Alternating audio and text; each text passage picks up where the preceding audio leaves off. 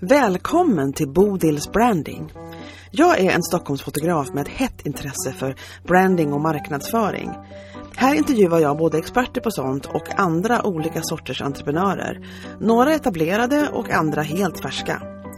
Meningen är att du som inte är expert ska kunna lära dig någonting som du kan ha nytta av och även spegla dig i andras berättelser.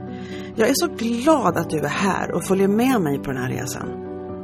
Jag heter Bodil, jag är fotograf och brandingentusiast på upptäcktsfärd.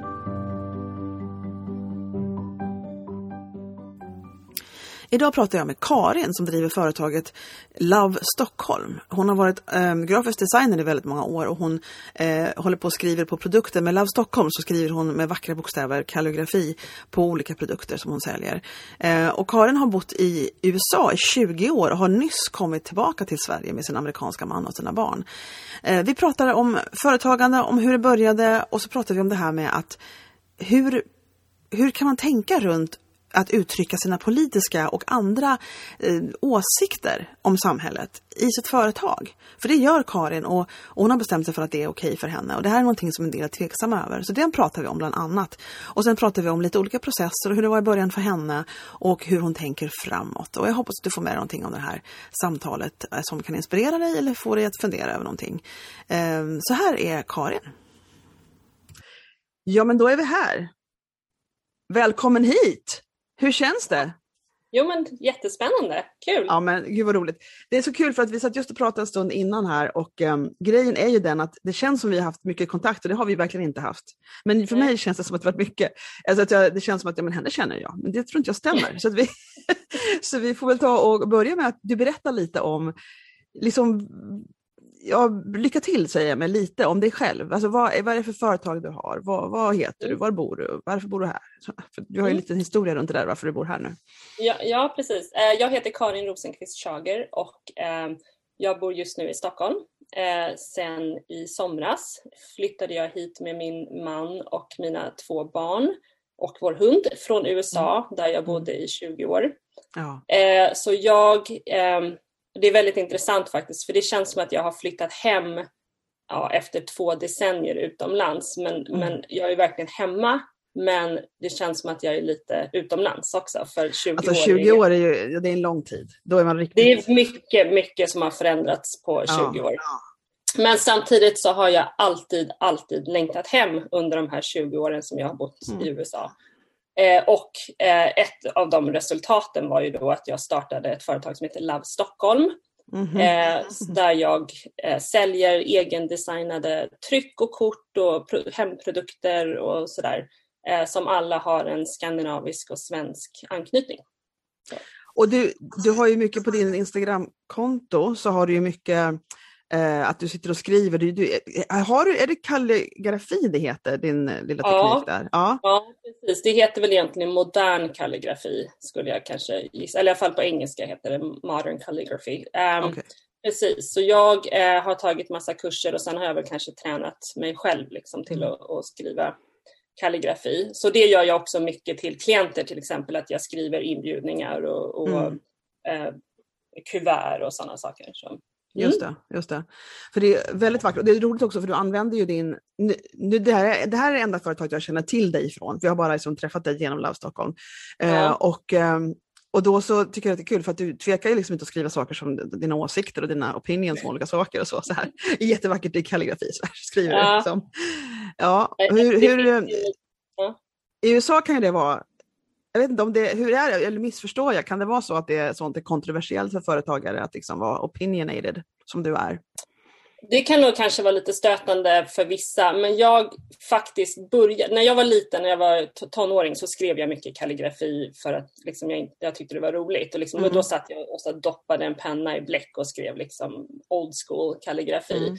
Mm. Men det här med moderna kalligrafin, det tog jag upp som en hobby faktiskt när Trump blev president. För Jaså? Att, ja, för att jag ville få ut alltså min aggression och min depression på papper. Ja. Så ja. att jag hade länge ett annat Instagramkonto som heter Karin Creative där jag eh, skrev väldigt mycket eh, feministiska budskap och liksom, an, Okej. inte anti-Trump, men liksom hela, alltså hela etablissemanget, liksom att det, det här är ju helt galet.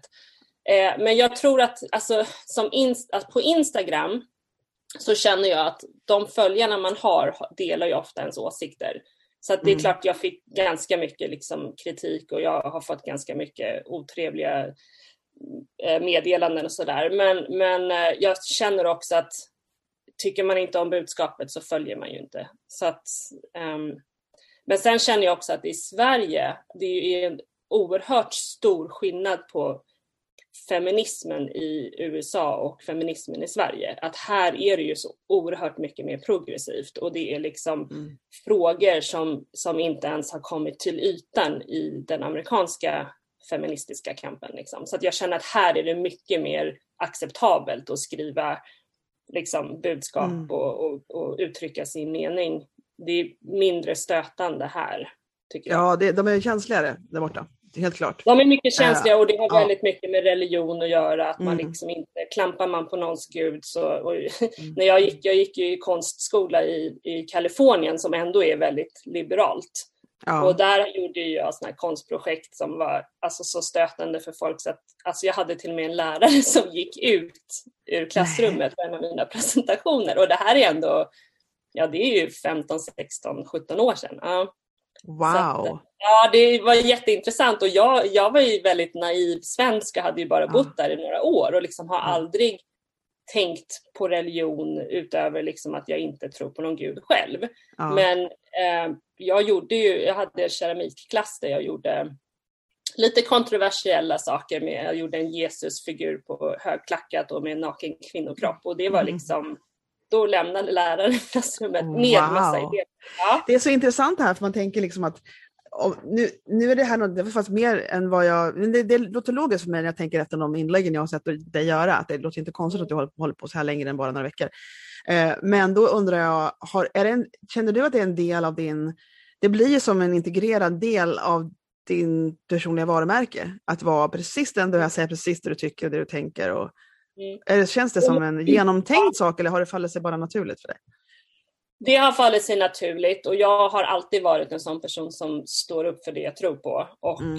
ehm, jag tänker alltså till exempel med feminism så tycker jag att det finns inga alternativ. Och jag Nej. tycker nästan tvärt emot att det är konstigt att inte alla ehm, uttrycker den ehm, alltså attityden eller de, de känslorna för någonting som Mm. jag tycker är så oerhört grundläggande i Mm. alltså vårt samhälle.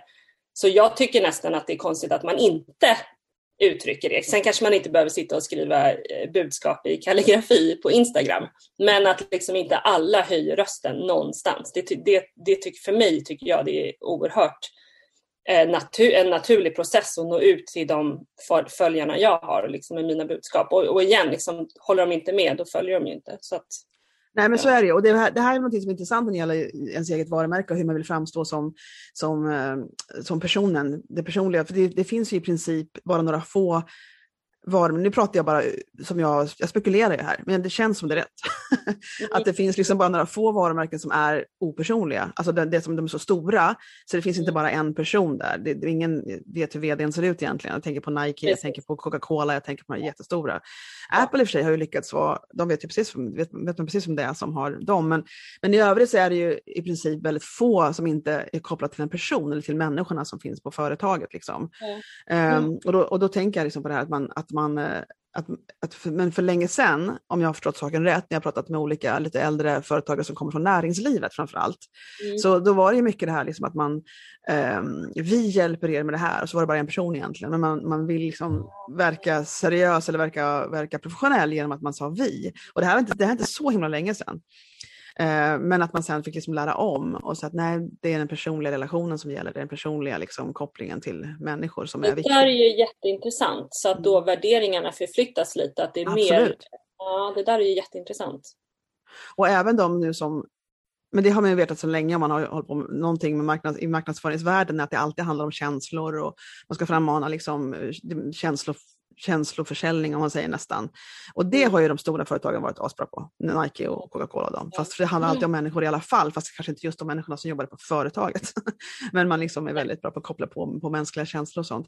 Men då tänker jag att en del kan vara rädda för, tror jag, att eh, jag har funderat på det själv ibland. Jag är nog speciellt blyg med att vara som jag är.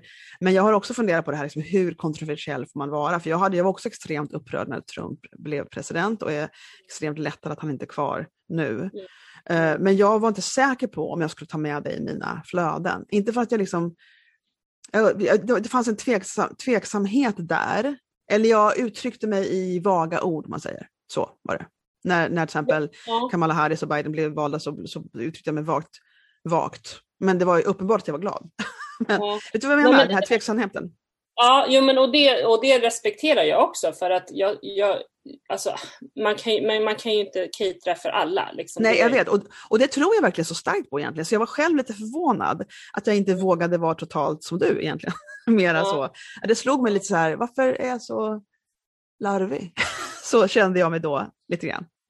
Men jag känner också mycket med, alltså feminism för mig är liksom absolut inget kontroversiellt mm. och det finns ingenting, alltså jag skulle kunna, skulle någon liksom argumentera emot mig, det, är liksom, nej men jag, det, det finns ingenting att argumentera emot i mina nej, ögon. Liksom. Jag håller med. Det, det mm. som det är. Men med Trump, liksom, jag har ju fått många inte många, men jag har fått ett par meddelanden där folk har sagt nu avföljer jag dig för att du, du, alltså du är för anti-Trump eller du är mm. för kontroversiell. Men, mm. Och då har ju det varit alltså folk i USA såklart. Men, ja. men då känner jag lite liksom att ja, ja, men då, det är väl bra att du avföljer nu för att det har, det har bara börjat. Liksom, det kommer mer. Det kommer inte bli bättre. Ja. Nej, men, men, det här, men det här är ju något som är så intressant, för, för det är det som är lite grejen. att att jag tänker på att man, eh, när man pratar med folk och andra företagare om hur man ska marknadsföra sig helt enkelt och hur man ska bygga sitt varumärke och hur det ska se ut utåt. Och då är det många som tänker, vad tycker, att man, jag vet att det finns en, en, eh, en, en extremt viktig del när man försöker föreställa sig sin idealkund. Det här är liksom kurs A liksom på, på den. Och, och, det, och det har jag haft så lite halvsvårt med ibland, men men jag vet också om att jag, är så, jag tänker på, på mitt andra företag jag haft i flera år som, som inte har med branding att göra. Ja, det har det ju i grunden, men det är inte det jag säljer eh, när jag är nyfödd fotograf. Men, men nu så håller jag även på med brandingfotografering då, personal brand photography.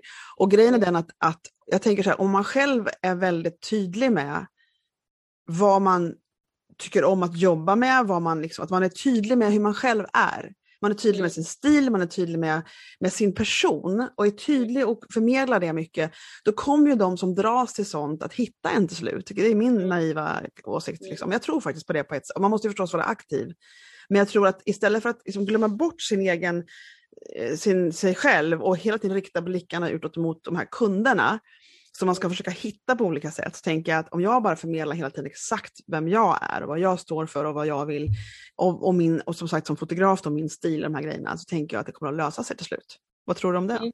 Ja, men jag håller ju med dig helt där och jag känner också att med sociala, sociala medier och, och liksom hela den biten att Alltså folk, man, man väljer ju helt själv vem man vill följa och vem ja. man inte vill följa, vem man vill se upp till och vem man vill liksom ignorera mm. totalt. Och det, mm. är du inte Alltså, jag, jag, tycker också, alltså, alla vet ju att liksom, okay, alla bilder man lägger ut är ju, alltså inte, kanske inte alltid har ett filter, men de är ju finare än, än vad vardagen ser ut. Alltså så är det ju.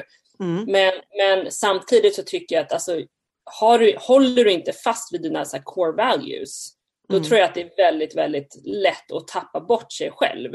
Och ja. att man då flamsar och flimsar omkring liksom, och, och försöker bara hitta din, din kund men sen om du gör, en liten avvikelse då, då kommer du ju förlora de kunderna som trodde att du var någon som du inte var. Exakt. Så, det finns jag, ju, man kan ju bara förlora på det där att försöka som gissa sig till hur man ska vara, utan man får egentligen försöka djupdyka, egentligen djupdyka i vem man är och vad man står för. Mm. Och, och, och, det är någonting som egentligen människor håller på med hela livet ju. Och det kan ju tweakas också i olika faser i livet. sånt där. Men om man hela tiden ja. liksom true to yourself, det är väl ett mantra man ska försöka hålla på med. Ja. Eh, och, och både i livet och företagande, jag brukar säga livet och företagande, men för mig så är det ju väldigt blandat, man är ju den man är på båda ställena. Liksom. Eh, så det, och, och det här kan ju vara mer eller mindre svårt beroende på hur man känner med sin egen kanske självkänsla att, att presentera sig själv och kunna vara liksom någon i rummet som är, det är okej okay att kolla på. Liksom. För, det här, för jag har hört med flera som jobbar med kunder när det gäller deras, alltså de hjälper dem med sin sociala media och sin marknadsföring, så säger de att um, för jag brukar fråga vad, tycker, vad säger era kunder att de tycker är svårt, vad har de, vad har de mest för utmaningar? Mm. Och då säger de att det är det här liksom att våga vara på film, att våga att folk tittar på dem, att det, det finns en självkänsleproblematik. Eh, i, mm. i för, som, som, ändå, som jag inte tycker är på något vis eh, konstigt, för det är en, en ganska mänsklig egenskap bland många, att de liksom känner att de inte riktigt är värda att ha allt ljus på mig. Sådär. Eh, och det hänger med, men det är någonting som man liksom nästan liksom måste, det är som lite snap out of it, man måste, om man ska marknadsföra sig som företagare. Alltså det är väl nästan, jag, skulle nästan, jag, jag håller ju med, jag tycker också det är mm. otroligt obehagligt att, att, ta kort på sig själv. Och jag, alltså jag jobbar ju ensam själv så att det är ah, ja. alltid jag själv som tar kort på mig själv. Och jag, jag tycker ja. det känns oerhört löjligt. Och, men det är ju lite så, här, tiden är nu. Alltså det är, ja, jag vet. Det är så det är. Men jag tror också lite, alltså den lilla amerikanen i mig är ju det här att alltså, man säljer sig själv hela tiden i USA. Du, mm. liksom, Om du inte ligger på framsidan och, och visar vad, vem du är, vad du kan göra och sådär, mm. då kommer du mm. ingen vart. Liksom. Det är ju lite ant, alltså det är väldigt anti-jante-lag. Ja, det, ja, det är det. Ja. Ja, och, och jag känner att det är väl kanske nästan det mest positiva jag har fått av att ha bott i USA så länge. Dels att jag har lärt mig otroligt mycket om mig själv och vem jag är och vad jag har för värderingar som väldigt ja. ofta har gått emot det amerikanska samhällets värderingar. Men ja. sen också att jag har inga problem med att visa vem jag är och vad jag står för och eh, mm. ja, men liksom att marknadsföra mig själv för att det måste man där borta liksom. Det, det måste man överallt, det bara att där faller det lite mer naturligt med hur man, hur man måste ta sig fram mm. i livet där också. Det, jag, jag håller med dig om att det är ett annat slags samhälle. Det är mycket mer vem tror att du är i Sverige här. Ja. Och där kan man det kan tyckas vara lite, men, och jag tycker inte det är något fel med att vara blyg och tycka att det är konstigt att ta kort på sig själv. Jag tycker det är, det är en extremt generell och vanlig upplevelse hos många människor. Och sen finns det de som sticker ut och inte är sådana alls. Och, det, och, de, och jag är ju fotograf, fotograferar människor hela tiden och det är det som går till tandläkaren för många, liksom, att bli fotograferade. Ja. Så det, och en del söker upp mig, nu när jag har gravidbild till exempel, för att ta mycket sånt, Eh, och en del kommer med det var inte de som egentligen var stjärnan, men de är med i alla fall och då är det jobbigt liksom och de, de är inte vana att bli fotograferade. Och det, mm. Så det är mer, jag, mär, jag, märker att det är en otroligt vanlig liksom, eh, egenskap hos människor. Men mm. jag tänkte på det här när du började nu då, för hur länge, när, precis när du började, och, alltså, alltså, som företagare, för du håller ju på sedan du var liten med din kalligrafi, men mm. när du började, som, vad var dina första liksom, inspiration, dina tankar omkring, nu ska jag minsann göra företag av det här? Hur gick det till? Liksom? Ja, alltså Love Stockholm startade jag för exakt idag fyra år sedan. Jaha, vad roligt. Ja, så idag fyller Love Stockholm fyra. Fyra år sedan? Jag trodde faktiskt det var, det var äldre, då, då var det nyare än jag trodde. Ja, fyra år. Eh, men då, så innan det så frilansade jag ganska länge, eller jag tror nästan i sju, åtta år som, som grafisk formgivare. Så jag har haft mm. ett företag innan det också. Eh, men med Love Stockholm, alltså tanken var ju att um, alltså designa produkter och mycket tryck och sådär som, som talar till den svenska och skandinaviska alltså enkla stilen, den eleganta, liksom som inte riktigt går att hitta i USA, i alla fall inte mm. i södra Kalifornien där jag bodde då. Nej. Och liksom ta fram den här enkla formen som, mm. som ofta finns i skandinavisk design. Och, sen, och tanken då var ju att marknadsföra till svenskar som bor i USA eller som bor utomlands. Jag förstår. Okay. Så att det var så Love Stockholm började, liksom, att, att ta fram svenska produkter och, och, vi, jag hade en partner då på den tiden så vi åkte ju till sådana här alltså, trade shows i USA och Sve, Sveas, den här... Ja, ja just det, det eh, finns en organisation där. Och det är jättestor. Ja, så vi ja. gjorde lite julmarknader och sådär men sen så marknadsförde vi till svenskar i USA. Men sen märkte jag ganska snabbt att jag hade en en, en kundbas i Sverige också som var mm. intresserad av mina produkter. Så då öppnade jag en webbshop i Sverige eh, också och hade produkter här. Och sen nu då när jag har flyttat hem så är jag endast verksam i Sverige. Så. Och när du började med din partner där eh, och du insåg att det här var ett företag som det fanns en kundbas. Hur, vad visste du då? Liksom? För du, du har jobbat som grafisk formgivare, men du, varit an, du hade, hade du ett annat företag förut eller var du anställd som grafisk formgivare?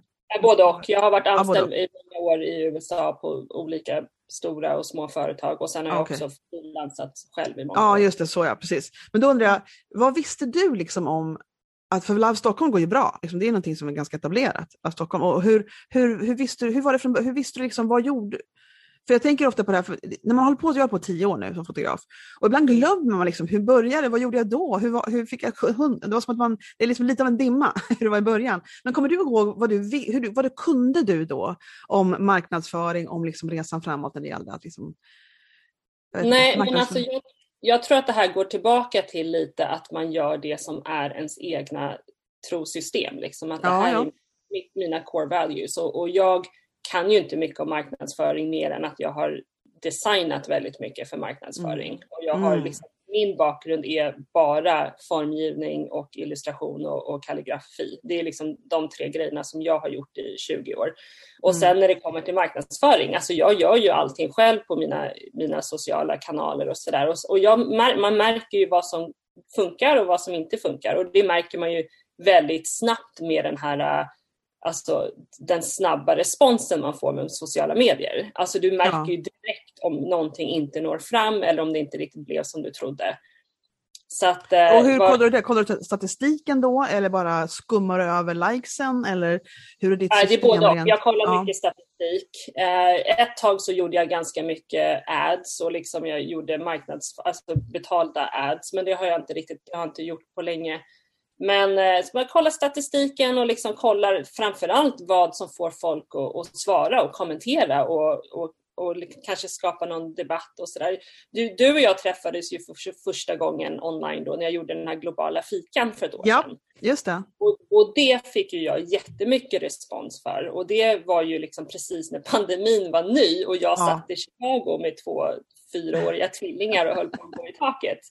Eh, och det blev ju lite en start på liksom att vi gör det här tillsammans. Vi går igenom den här pandemin ihop och vi hade, jag hade ju flera globala fikor på, mm. på online som, och det, då märkte jag att ja, den responsen var jättestor och det drog ganska mycket liksom följare och respons. Och så här, så. Ja, men vad roligt. Berätta hur du, ja, du, du, du ville ha sällskap helt enkelt. Var det det var. Så, kände du samtidigt att det här ska jag göra för att exponera mig, mitt företagande eller kände du bara att äh, jag blir tokig, jag måste snacka med någon? Eller vad var liksom grunden ja. till den? Grund, jag kan berätta vad grunden var. att Det här var precis när um, ja, vi bodde i Chicago och allting stängde ner. Barnens förskola, lekparkerna, mm. alltså, alltså parkerna, oh stränderna, hundparkerna. De stängde ju allt. De satte ju sådana här kedjelås på lekplatserna. Wow. Så att jag visste ju hela tiden hur det såg ut i Sverige, att det var ju inte alls samma panik Sverige. Och det var ju lite att, och sen hade ju jag massa följare över hela USA. Jag hade ju någon som, en tjej som satt i Colombia och liksom satt i karantän. Då tänkte jag, men gud vad intressant om vi liksom alla kör en global fika och pratar om hur det är där vi bor. Ja, och det, jag, det var ju jätteintressant för det var ju enorma skillnader på hur folk mådde och vilka olika grader av karantän och lockdowns. Och, ja. Eh, så det var, jag, hade, jag hade ingenting med marknadsföring att göra. Nej, det var, nej, det var en personligt behov du hade. Ja, just det. Men sen så mm. blev det effekter i, i ditt företag. Vad mm. hände då? då? Vad, vad märkte du? Nej, men jag fick mycket mer följare och sen så tyckte jag att man liksom kunde, inte mycket mer, men jag fick flera mer följare och sen kände jag liksom att det blev en dialog. Och mm. att man liksom skapar ju lite av en, ett alltså så relationship med sina följare. Liksom att jag känner att jag har väldigt mycket följare som jag alltså chattar med, som jag känner, som, mm. lite som dig, så att man känner att man mm. känner varandra mm. fast man aldrig har träffats. Mm. Och mycket, mycket följare som relaterar till min resa i livet och liksom att flytta hem eller att bo i USA eller att, att vara liksom en, en svensk ja i, i, alltså i USA och sitta under lockdown när man vet att Sverige inte alls är nedstängt. Och ja, det är ju väldigt många som satt i samma situation och då blir mm. det ju som att man får ett förhållningssätt till varandra liksom, och, och känner igen sig i varandra. Alltså, det där är så intressant för jag tänker på det, för jag kommer ihåg för länge sedan när jag, när jag eh, var en av alla, jag, jag har ju hållit på och lyssnat på podcaster och läst böcker och framförallt och bloggar och allting om, om just företagande och marknadsföring i många, många år nu liksom. Mm. Och tycker det varit så spännande och så plockar man upp lite här och en del, och en del fastnar och en del gör det inte. Men då minns jag liksom att någon sa någon gång att, att, att, att skapa event, alltså det är bra. Liksom. Dels för att man får träffa folk och, och så är det, det är bra för PR, det är bra för, för liksom att träffa folk in real life. Det, det, och då, då var det lätt för mig, så det gjorde jag lite grann i förra, i min andra gren. Och, och jag tänker på det ibland nu när alla är så vana, så Zoom-vana. Eh, Ja. Att man kan så mycket lättare göra det. Jag, jag var med i en mässa i många, många år, de gör online nu till exempel. Och, och jag, tänker, jag tänker framåt att det är väldigt roligt. Jag hade någon liten så här baskurs i ehm, branding online, alltså marknads, om, social, om, om, Instagram egentligen var väl temat. Med Mm. nyföretagare från, från Startup Stockholm. Och, och ehm, det är, det är något speciellt med liksom att sitta med folk framför sig och prata och, och skapa liksom att nu är vi faktiskt i och umgås här. Och, att, och bara att prata om att man arrangerar sånt är, Ja. är liksom också lite go- goodwill på något vis. Det låter lite kalkylerande kanske när jag säger så här, men jag, jag säger så här, det är aldrig dåligt Nej. att Nej. göra sådana grejer. Liksom. Och så är det Nej, kul. och jag, ja, och jag, jag längtar tills den här pandemin är över så man kan börja nätverka på riktigt. Alltså jag vill, Verkligen. hem. jag vill bara ut, Ja. jag vill in till stan och in ja. till Stockholm och nätverka och träffa folk och se liksom hur andra svenskar sköter sina, alltså hur, hur de gör sina företag och liksom Ja. träffa kunder. Och det Men då är ditt, föret, är ditt företag registrerat i USA då? då? Eller, för det är ett Nej, amerikanskt företag? Det var, okej. Mm, det var registrerat i USA till, fram till i somras och sen Ja. så eh, registrerade jag det i Sverige 2019 för att jag började sälja här också men nu är det helt registrerat med, med i Mm. Sverige. Och vad tycker du, nu pratade du lite lätt innan vi satte igång inspelningen här, och till och med innan dess, om att du håller på att rebranda dig, som man säger så lite svengelskt. Vad, vad, är, Mm. vad händer? Jo men vad som händer är att jag, jag när jag bodde i USA så var ju min eh, kund var ju den, alltså svensken i USA eller svenskar utomlands helt enkelt. Ja. Eh, men nu så är jag ju här Mm. och har min kund i Sverige. Så jag känner att jag, jag, jag rebrandar mig lite till att vara lite mer personlig och göra lite mer personliga eh, uppdrag och också som, som formgivare som jag egentligen är. Mm. Så att liksom, och, och som kalligraf och Mm. skriver inbjudningar och liksom jag har ju gjort mycket alltså små grejer som kalligraf, till exempel de här julgranskulorna som som gick väldigt, väldigt bra i julas och det var ju jättekul.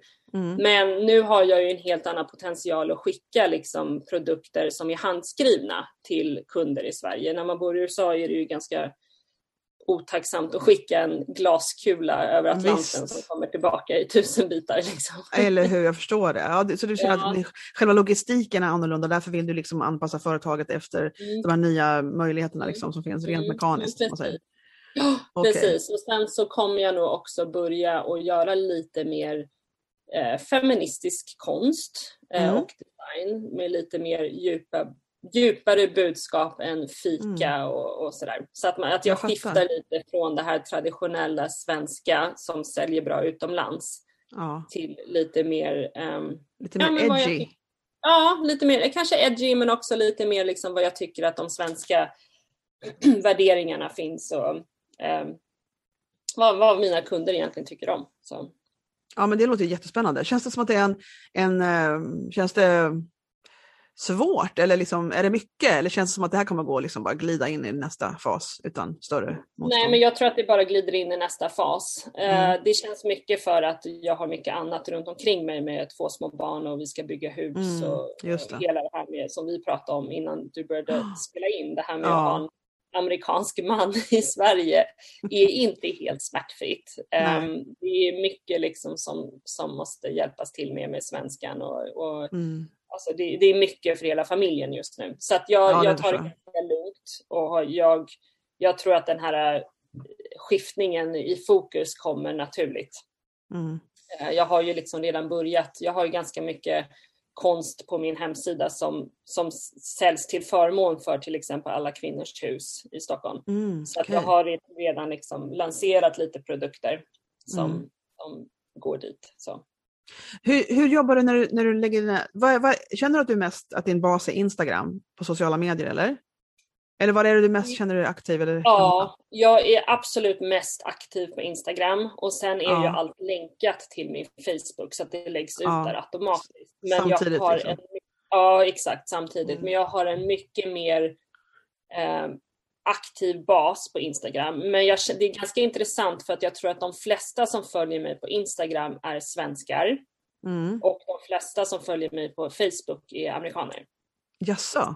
Ja, så det, ja, det är väldigt intressant för att interaktionen är totalt eh, olika varandra. Det är jätteintressant. Hur, hur lägger du upp din, rent, rent processmässigt, hur, hur gör du när du lägger upp eller planerar kanske här, jag säger planerar kanske som att det är liksom en främmande koncept, jag är så dålig på att planera. Så berätta för mig hur du gör i processerna. Jag är ju fel person att fråga, för jag är också väldigt. Länge höll jag på faktiskt och planerade mina sociala medier. Jag Jaha. hade liksom schemalagda eh, inlägg, jag alternerade mellan produkter och personliga mm. saker och handskrivna saker. Och jag hade ett program som jag jobbade i där jag liksom schemalade allting. Men jag tyckte det var så oerhört tidskrävande och jag tycker att saker och ting ändras så himla snabbt så att man hin jag, jag hinner inte sitta, jag kan inte lägga ut ett schema för de kommande två veckorna utan att behöva ändra det för att det är någonting som händer hela tiden. Liksom. Vad menar du händer i världen som du vill ja, prata om? Ja, ja, ja, du är ju sån som gör det, pratar om sånt. Ja. men då förstår jag att det kan vara otroligt. Men alltså, hur, vilket, vilket, vad var det för um, plattform du använde? För, Hootsuite heter det. Hootsuite, ja just det, precis. Um, uh, men så att du, du tog det länge sa du, snackar vi flera år du höll på så? Eller? Du sa länge? Nej, men jag skulle nog säga ett, ett, ja, kanske ett och ett halvt år. Mm. Ja, och sen blev det bara frustrerande till slut för du kände att du var tvungen att tweaka hela tiden? Eller? Ja, jag, jag tyckte det var mer tidskrävande och alltså det kanske genererar en större plattform och mer följare och sådär om du verkligen stick to it och liksom sitter mm. och planerar. Och, mm. och men, men, för mig tyckte jag tyckte inte det gav så mycket. Jag tyckte att det var mer krävande. Jag har också tagit massa såna sociala medier-kurser och så att man ska sitta i en halvtimme om dagen och, och liksom lägga upp din plan och sådär. Men mm. för mig, jag, jag, tror att jag är lite för impulsiv och jag, mm.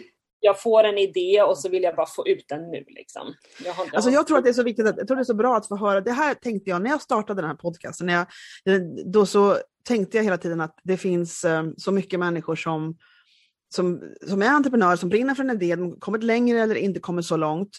Och så har de liksom um, så har de ambition med att marknadsföra sig och sociala, men de lever inte upp till den. De känner att de inte, de vet att de inte lever upp till den. Men, men, eh, och sen kan man ta in kunskap om hur man ska marknadsföra sig från hur många ställen som helst. Man kan gå kurser, man kan, man kan bara lyssna på podcast och allt möjligt. Och det finns så mycket olika råd. Men vad man glömmer är, och jag är ju gammal lärare, jag var lärare i 13-15 år. Eh, och, och försökte komma åt olika barn på olika sätt, för man är olika. Och det här är någonting som jag tycker är så intressant, för jag, jag pratade en gång med en kvinna, eh, en coach, en kort coachsamtal med henne, och hon planerar sin kalender i block, och de här blocken följer hon liksom slaviskt. Nu var det liksom från 12.30 till 12.45 så kör vi mejl. Och, och, det, och en del människor mår bra av det. Och jag, jag kommer ihåg det från min lärartid, att eh, det var de människor som kunde komma in i klassrummet och inte ha en plan, de var helt lost. De kände sig jätteosäkra, jätte, liksom, det var ingen bra känsla för dem. Och för mig var det nemas problemas. Alltså, liksom. Så vi är olika på hur vi hanterar vår, eh, våra dagar och vår planering och våra hjärnor är olika. Och det är så intressant att man, att, och jag tror det här måste man liksom få prata om. Att det finns liksom ingen, inte en mall som passar alla. Sen så tycker jag att jag ville så hemskt gärna presentera olika människors sätt att hantera sin marknadsföring och sitt varumärkebyggande. För det finns verktyg, det finns väldigt bra verktyg, det finns olika system som kan göra det lättare för en del, för en del kommer det passa jättebra. Men det finns också, man måste också vara ödmjuk inför att vi alla är olika. Och för en del kan en sak vara en lättnad som det här planeringsverktyg. Jag, har, jag använder Later till exempel, men inte hela tiden, men jag använder det ibland. Um, men jag också tycker om att kunna vara spontan. Men för en del människor blir det övermäktigt att varje dag komma på någonting nytt och, och liksom mm. skriva. Och då kan de, kan de behöva lägga ett block på två timmar där vi sitter och gör det som en liksom, uppgift. Nu tar vi in de här bilderna och så gör vi det här och så. Sen var det klart och så har man gjort två timmar kanske man har två veckors inlägg. Eh, för ett tag sedan så gjorde jag så att jag planerade upp mina inlägg när jag ville verkligen vara väldigt, väldigt, väldigt aktiv så la jag in en morgoninlägg och ett kvällsinlägg. Mm. Och sen kom jag på saker som inte hörde till de förplanerade, då la jag in det också. Men då la jag det manuellt när det hände något. Förstår du? Men basen mm. låg hela tiden och puttra på. Liksom. Så så kan man också göra, man kan ju blanda det här med liksom att vara planerad och liksom lägga in spontana saker. Men du lägger mest bara jag... spontant nu. Hur, hur, gör du rent mekaniskt? Sparar du någonting? Sparar du, gör du en, en gäng filmer och så, så ligger de och väntar? Eller filmar ja, du så lägger upp? Mm, ja. Om jag känner mig liksom att okej, okay, nu har jag två timmar att bara sitta och skriva, då mm. kan jag göra några filmer som jag lägger och, och, och sparar. Liksom. Ja, det är absolut det. det mm. ja. Men sen tänker jag ju också, alltså jag försöker ju, eller inte, det är inte någonting jag försöker utan automatiskt så kommer det mycket som är impulsivt för att jag speglar mycket med vad som händer i mm. Sverige och i världen. Liksom. Mm. Och då, då är det ingenting som jag sitter och tänker att åh, nu ska jag liksom, om Biden och Harris vinner nu så ska jag göra den här filmen om två veckor. Utan då ser jag, aha, okej, de vann, då gör jag den här filmen. Ja, jag förstår. Ja, men så funkar du helt enkelt. i förväg. Ja, ja. Nej, men det, eh. det vågar man verkligen inte göra då. Man, vad som helst kan hända, tänkte man. jag blev så förvånad att det var, jag var helt chockad när jag insåg hur många det var som röstade om på den här människan. Men så, det, det, så är det. Ja, det är fascinerande. Men det var, det var en överraskning för mig, måste jag säga, att det var så många. Jag tänkte att, ja, jag, förstår, jag, jag förstod att de föll första gången. I början förstod jag inte det, men sen förstod jag det när jag började se mer intervjuer med människor, varför de liksom röstade på Trump och sen så förstod jag, okej, okay, men det kanske man kan fatta varför det kan bli så. Men så, han har ju totalt liksom, när han blev omröstad, när de, när de gick dit igen, då, då blir jag väldigt förvånad. Men det är som vi tycker, som vi ser i världen, du och jag. Men, men det, jag tycker, det tycker jag är så himla intressant för att um, som, som, nu är jag också amerikansk medborgare, men som en amerikan då som har bott i USA i 20 år mm. under den här mm. tiden framförallt. Mm. Det förvånar inte mig att så många röstar på det, visste... det man kan liksom inte applicera de svenska värderingarna på den amerikanska politiken. Det går Nej. inte. Liksom, det är en helt främmande värld. Mm. Um, som jag tror många inte, jag tror många i Sverige, jag har också märkt det bland mycket journalister i Sverige, att de, de försöker att skriva om hur amerikanska polit, politiken med mm. svenska ögon, men mm. det går inte. Det är liksom... det är det, nu kommer vi verkligen in på en helt annan fråga än, än men jag måste säga, det, det tänker jag på. Min, min, man är amerikan och vi har ju de här, äh, vi, vi, vi har prenumererat på Washington Post, vi ser på CNN, de här klippen på Youtube, och jag tittar inte ens på svenska nyheters rapportering om USA och valet. Nej, inte heller. För det är som att det känns som det, ja, det, det, blir jätte, jag, jag, känner igen mig i det, jag har inte tänkt på det på det sättet, men det är som att det är amateur hour lite grann när det gäller. Det finns liksom inte en insikt i, i dem, nej, de är inte embedded som de behöver vara. Gud vad svengelskt det blir med dig idag. Ja. men, det, men, det, men nej, vi ser på CNN och MSNBC istället och ser vad de har att säga om, om saker och ting. Men så kan det vara. Um, jag tänker så här nu framåt, vad har du för roliga saker att se fram emot i ditt företagande framför allt? Vad, vad tänker du framåt? Du har mycket annat nu med barn och hus och man. Ja, men... Eh, nej men jag, åh, jag vet inte riktigt. Jag, jag har massa olika um, reor just nu som jag håller på mm. att köra ut. Och sen så som jag firar ju fyra idag, mitt, mitt eh, mm. företag fyra år. Så att jag funderar på att göra någonting veckan ut här med något, lite rabattgrejer. Och sen så i sommar, eller ja, i vår och sommar, jag kommer försöka att sitta och, och jobba på nya produkter. Mm. Jag har massa olika idéer, så det här är väl lite av den här kreativa downfall, att du har så enormt mycket idéer och kreativitet så man måste liksom så dra in dem och sortera ut idéerna och tänka att man kan inte göra allt på en gång. Nej. Eh, vad, vad jag, gör du med alla dina idéer då? För det är ju väldigt... Jag skriver, åh jag har lister. Jag skriver, jag är en sån människa som skriver både för hand och i mobilen och på datorn har jag lister överallt. Ja. Ibland har jag så mycket listor så att jag måste liksom skriva lista på vilka listor jag ska börja med. Och, ja, men, jag, ja, wow. men är det så att du vill få ut ur huvudet, så det finns på ett ställe? Ja. så känner jag också. Jag måste få ut. Och allt som jag inte får ut ur huvudet glömmer jag bort sen också dessutom. Så jag måste, mm. så jag måste se till att jag, så fort jag kommer på någonting så skriver jag ner ja. det. Eller, ja. Jag har ju väldigt ofta när jag går upp på morgnarna har jag väldigt ofta e-mails från mig själv till mig själv från, som jag har skrivit mitt i natten. För Jaså, jag, du har någon liten bok bredvid sängen eller telefonen eller vad gör, hur gör du då? Nej, jag har ju telefonen bredvid sängen vilket inte är så smart. Men eh, mm. då mejlar jag mig själv liksom med listor på, ja, alltså ibland är det bara idéer, ibland är det saker jag måste göra och inte glömma bort och sådär. Och sen så jag kom... så du mail, intressant, du är inte, jag snackar med en annan som mejlar sig själv. Mm. Och tänker, det har jag aldrig gjort. Jag, jag, brukar, jag, jag, skriver inte upp heller mitt i natten heller. Men jag tänker, är inte det lite krångligt då? Så få i rätt mejladress och så skicka. Varför skriver man inte bara på i kalendern eller i notes? Jag är bara nyfiken ja, på processen. Ja, det är, för att jag tror att är det ett e-mail så känns det mer urgent. Liksom. Då vet jag att jag... Sen är det någon du går till din inbox, oh, här var det ett mejl, det måste vi ta tag i. ja, nej, men också liksom att okay, då, är det, då är det ett projekt jag måste ta tag i. Även om det Ja. kommer från mig själv så blir det mer legit att det är liksom så Ja. nu är det någon som mejlat mig om den här grejen, nu måste jag göra det här. Jag förstår Eh, precis. har jag ju också förprogrammerat i telefonen att skriver jag ett K så kommer det till Karin. Liksom. Ja, men det var väl bra. Jag är lite fascinerad över systemet. Jag funderar nästan på att ta sådana här eh, återbesök med dem jag pratar med, för det är så mycket att prata om första gången. Men ta återbesök hos er alla sen med specifika små teman. Hur gör du för att göra det här? Och hur gör, det vore lite kul, rent eh, Ja, ja, gud. mekaniskt och processigt. Liksom. För det kan man lära sig så mycket av andra människor. Eh, Ja. Något tips. Liksom. Alltså det är det jag älskar mest med sociala medier. Alltså det här med att man kan få tips och man kan Mm. ag- interagera med andra och liksom man verkligen lär sig av ja.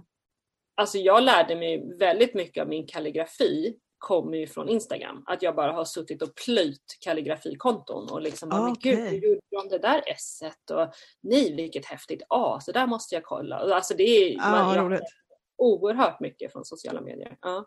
Ja, det är en väldigt speciell värld och jag måste säga att jag tycker den är, jag tycker den är fantastiskt roligt. Och, och för mig är det lite kul för att jag tänker ibland, på morgonen brukar jag sätta mig, om jag inte måste iväg på någonting, så sitter jag med telefonen och jag har inte någon, någon flashig telefon alls, jag har en sån här gammal sexa. Liksom.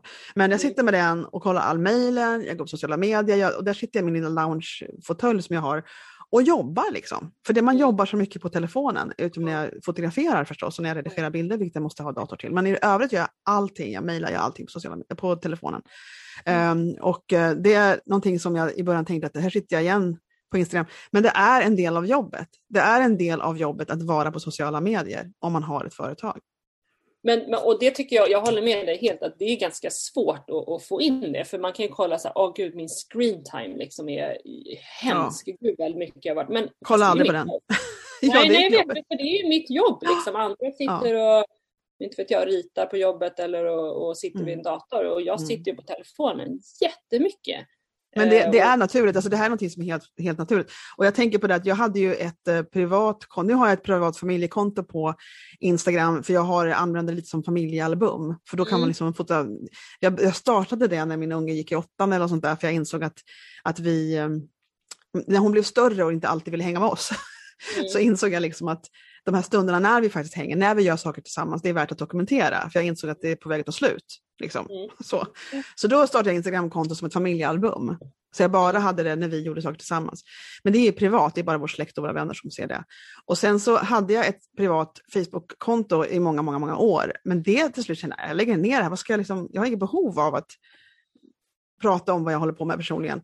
Så jag startade bara liksom företagskonton på Instagram och de olika kanalerna jag hade eller olika grenarna jag hade.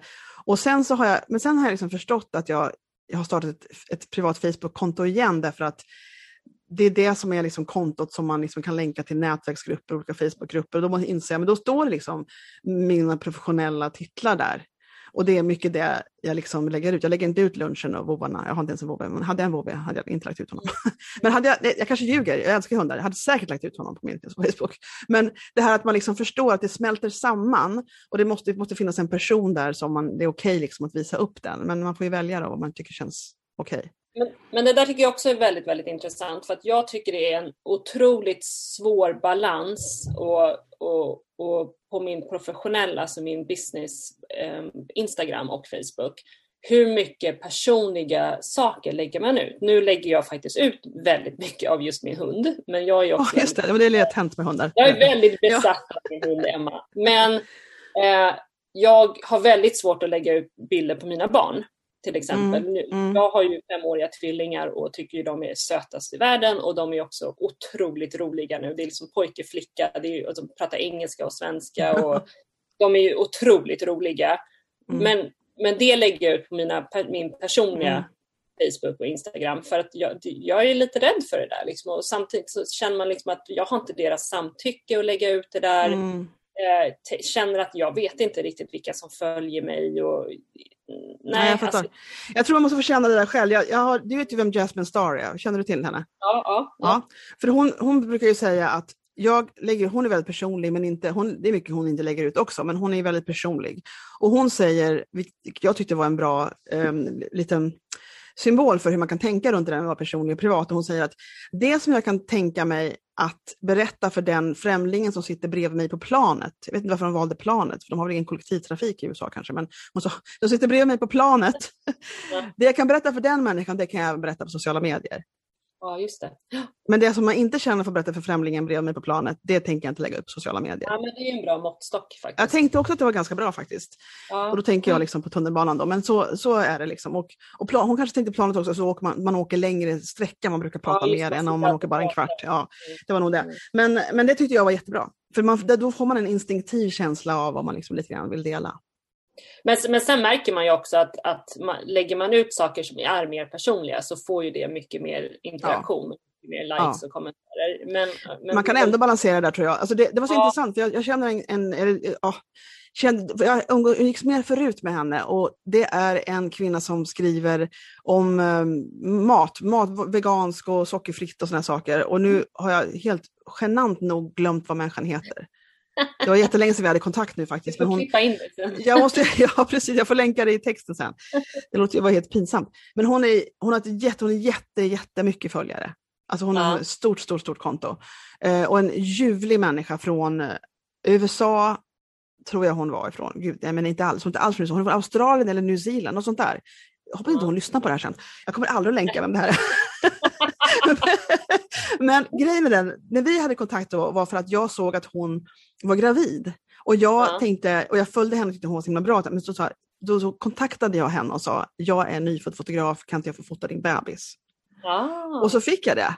Och, vi hade, och då kom hon och hennes man och nya bebisen sen när den kom och det var så himla trevligt. Eh, och sen hade vi lite kontakt, tog en promenad och pratade om det här. Och grejen var den att när hon började, först var det liksom det här lite mer allmänna, lägga ut sina recept, hon ville aldrig vara med på bild, hon hade mycket händer, hålla i mat, Mm. sådana här saker. Eh, och sen började hon plötsligt, eh, och det var någonting som triggade det, men då började hon mera använda det som en blogg. Alltså se- on Instagram, började använda Instagram som en blogg och skrev mycket, mycket längre texter, mycket mer personliga grejer. Och det bara exploderade. Hennes konto bara exploderade. Det var då det vände, det var då hon började komma liksom upp i Men siffrorna. vad tror du triggade det? Vet du det? Att hon blev personlig. Att det blev Ja, men liksom... var, varför blev hon så personlig? Ja, det, det har hon berättat för mig. Jag har ju glömt allt annat, så det har jag också glömt. men, men det var någonting runt, runt att hon ehm, fick, hon hade lite komplicerade förlossningar. Hon har flera barn, hon har tre barn nu tror jag, om hon inte har ett till sen vi sågs sist. Eh, och det var någonting runt, runt det. Att det blev att hon berättade sin historia på något sätt. Sen kom, och sen, men det är ju det, det blir mer lättare att relatera när de här mänskliga historierna kommer fram. Och eh, man kan tro att det känns långrandigt att skriva det, men det blir väldigt relaterbart. Liksom. Folk kan Mm. gå igång på det. Och det gjorde de Mm. verkligen med henne. Ja, nej, men det är väldigt intressant. Det, det, jag känner att det är en av mina struggles, är liksom att Mm. hur, hur personlig ska jag vara? Hur mycket liksom berättar jag om mig själv? Och liksom det här med att flytta hem efter 20 år utomlands Mm. är inte helt smärtfritt och det är ganska jobbigt och man känner sig lite liksom, ja, lite... Alltså jag tror inte, min spontana reaktion är att jag tror inte du behöver vara så rädd för det. Jag tror Nej. du ska väga det här med flygplansgrannen och tänka vad du Ja. faktiskt vill lämna ute. Men jag tror inte du ska vara rädd för det, för att det, det är en intressant historia och framförallt för att du kommer, liksom, du, du kommer få svenskarna på din sida när du säger att du har haft hemlängtan i 20 år. Det kommer ju gå hem. Jo, och att du liksom är här och värmde och allt det. Jag tror att det finns väldigt mycket som folk kommer att tycka om med det. Ja, Så jag, Ja. jag tycker inte du behöver vara rädd. Men sen, sen måste man kanske, eller kanske inte tänka så mycket på vad man ska, hur man ska formulera sig. Utan det är väl bara att köra på tänker jag. Det är min spontana. ja, men det är Tanken. ungefär det jag har gjort hittills. Ja, ja eller hur? Eller hur? Det faller sig inte så långt för dig att, att tänka på det viset. Och jag tror att du kan dela, dela mycket. Och det här med husbygget och det här med liksom kulturkrockarna som kan hända med din man och allt det. Jag tror det kan vara bra läsning, kul läsning för många. Ja, eller jo, relat, det- relat, relaterbar läsning i alla fall tror jag. Ja, jo men det händer ju alltid saker. Liksom. Det är ganska roliga saker som händer. Så, Mm, ja, mm. Precis. Det finns ett konto som jag har glömt, oh my gosh, jag har glömt allt. Det är ett konto som jag, jag måste länka till allt det här sen, det är pinsamt. Och, hon är en läkare som har typ ett drös barn och hon, eh, hon heter Anna och hon har ett, en blogg har hon. Som Mm. är, hon skriver, hon är duktig på att skriva, hon skriver väldigt roligt. Men hon Ja. skriver, hon bara ventilerar liksom. allt som händer Ja. henne, allt hon tycker, allt hon tänker och det går, det går ju jättebra, folk tycker jättemycket om att läsa hennes blogg. Så man, ska Ja. inte, man får inte vara för nervös för det där med att bara Nej, och det där är ju också roligt. Jag hade en blogg i väldigt, väldigt många år när jag bodde i USA som var Mm. en total ventilering på Mm. amerikanska samhället. Ja. Och, och liksom hur, hur, ja, jag bodde ju i Hawaii några år och det var då jag Mm. startade den här bloggen. Ehm, och, men det, den har jag lagt ner nu för att jag Mm. känner att ska jag, ska jag vara så här personlig? Mm, Eller ska jag, men jag, ska, jag tror jag ska börja ta upp bloggandet. Jag har börjat Ja. lite långt på min hemsida men jag ska nog börja med det där igen. Ganska, Ja. det, det är ju roligt och det är också roligt att se till exempel det svenska samhället med utländska ögon. mm. Eh, ja liksom- verkligen. Det är en bra vinkel. Alltså absolut. Mm.